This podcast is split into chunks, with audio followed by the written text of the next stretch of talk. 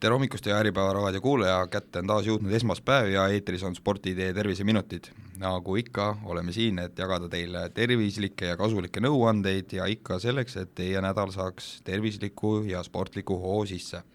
mina olen saatejuht Silver Laks ja minuga koos on siin Spordi-idee peatreener Kristi Roosimägi, tere hommikust! tere hommikust! no täna eelviimases saates teeksime juttu natukene pulsist, ma arvan, et kõik on trennis tundnud mingi hetk, et pulss läheb liiga kõrgeks Kristi, ole hea, räägi, miks see nii on ja mida võib-olla teha teisiti? ma arvan, et äh, see ei pruugi alati küll nii olla, et kõik on tundnud, et pulss läheb liiga kõrgeks, aga ma selle teema tõstataksin just seetõttu, et äh, päris tihti juhtub nii, et sa oled justkui nagu trennis pidevalt, järjepidevalt käinud,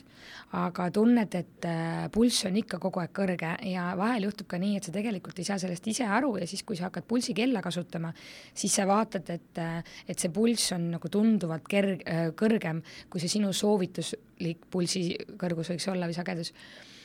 siinkohal ma ütlen seda, et äh, kindlasti sa pead vaatama, mis treeningutega sa oled siiani nagu tegelenud, et äh, ütleme siis nii, et hapniku tarbimisvõime parandamiseks sa peaksid tegelikult treenimagi siis nii-öelda hapniku juuresolekul, mis tähendab sisuliselt nagu inimkeeli seda, et sa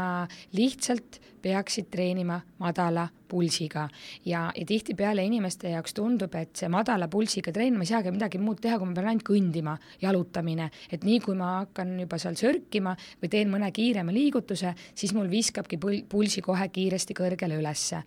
aga paraku jaa, see nii ongi, et, et selleks, et ütleme siis, et jäksata nagu näiteks pikka aega eh, joosta ja noh, jooksmise ajal, eks ole, pulss läheb meil ka kõrgemaks, siis me peame väga palju selleks kõndima, see on, see on, ma olen sellest rääkinud ka, aga see on, see on nagu maja ehitamisel vundament. ehk siis äh, see pulss läheb kõrgeks sellepärast, et su keha, su süda ei ole harjunud ilmselt üldse madala pulsiga trenni tegema. ja see ei tähenda alati seda, et, et siis, kui sa alustad, alustades ta ka läheb kõrgele või see, et kui on ületreening, et siis on see pulss väga kõrge. pahatihti, eriti tuleb seda ette mm, palju vastupidavusaladel ja rühmatreeningutes, et inimesed kogu aeg teevad liiga kõrge pulsiga trenni. mis see tegelikult tähendab, on see, et äh, sa ei tee efektiivselt trenni ja sa kulutad ennast kogu aeg liiga palju, ehk tegelikult see muutub ka su südamele lõpuks ohtlikuks. mida sa peaksid tegema, sa peaksid lihtsalt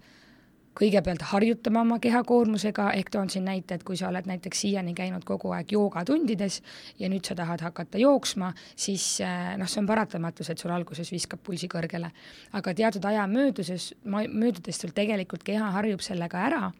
ja, ja siis kõik normaliseerub Äh, siin võib olla ka mm, eripärad, näiteks ma võin iseenda peale öelda, et äh, olen teinud koormustesti ja, ja tuli seal tulemus selline, et minul on äärmiselt oluline selline pikk soojendus, sellepärast et lihtsalt see hapniku tarbimisvõime ei ole eriti nagu trenni alguses niivõrd hea, et nii kiiresti ei tule hapnikku peale, ehk siis ma pean tegemagi pikema soojenduse, et inimesed on erinevad, me õpimegi oma keha kuulama, tunnetama, kindlasti kui see pulss sul on juba kõrge, raskeks läinud, siis äh, ei tasu nagu silmi kinni pigistada, mõelda, et vahet ei ole, vaid äh, pigem anna endale aega, võta intensiivsust väiksemaks, puhka, noh, loomulikult sa võid teha ka kergemaid harjutusi, et äh, selleks, et selle, seda nii-öelda nagu parandada, sa ikkagi peaksid tooma treeningute intensiivsust alla, et ega seda miskit muud pidi nii-öelda paremaks ei saa või seda pulssi madalamaks ei saa muud moodi, kui sa peadki lihtsalt tegema trenni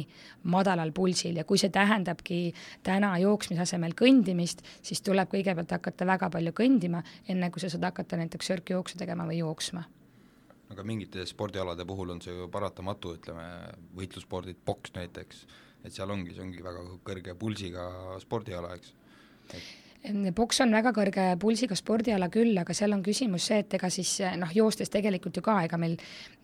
teistpidi jälle selleks, et meil ka selline treenitus, eks ole, tekiks, siis meil ongi vaja pulssi tõsta ka, et vastupidavustsoon, see on kuskil selline kuuskümmend, seitsekümmend protsenti maksimumist, aga me peame nagu sinna jõudma. ehk siis lõpuks on see, et kui sa, mida treenitum sa oled, seda vähem sinu pulss siis tõuseb ka nii-öelda iga selle liigutuse peale, ma võin öelda seda, et kui sa näiteks kahe nädala jooksul ütleme kaks-kolm korda nädalas trenni teed ja, ja see trenn on selline, mis tegelikult äh, on ka siis üle keskmise kõrge pulsiga, siis juba kolmas-neljas nädal sa tegelikult tunned, et on palju nagu kergem, sest et su süda harjub selle koormusega ka. lihtsalt äh, kui see on sinu jaoks probleem, et see pulss püsib sul trenni jooksul pikalt kõrgel, siis äh, seda on võimalik sul ainult seeläbi nii-öelda parandada, kui sa võtad endale veel treeningkordi juurde või vaatad üle oma olemasoleva treeningplaani, et kus seal saaks teha kergemaid trenne. sest tihtipeale on ka see, et keha nagu nii-öelda hüppab üle sellest rasvapõletusest, ehk ta läheb kohe süsivesikute peale, et ta harjub nagu ära, et ta harjub ära sellega, et ta on kogu aeg kõrgel pulsil treenimas, mis see jälle sinu jaoks tähendab, on see, et sa ei jääks, sa ei, sa ei jaksa nii pikalt seda trenni nagu täiskoormusel vastu pidada kõlab igati loogiliselt. nii et head kuulajad, ärge tehke ainult trenni, vaid jälgige pulssi ka, pulss on oluline. ja selliseks kujunesidki meie eelviimased Sporditee terviseminutid. kohtume teiega viimast korda taas jälle nädala pärast, soovime teie omalt poolt siis ilusat ja tervislikku nädalat, kõike head!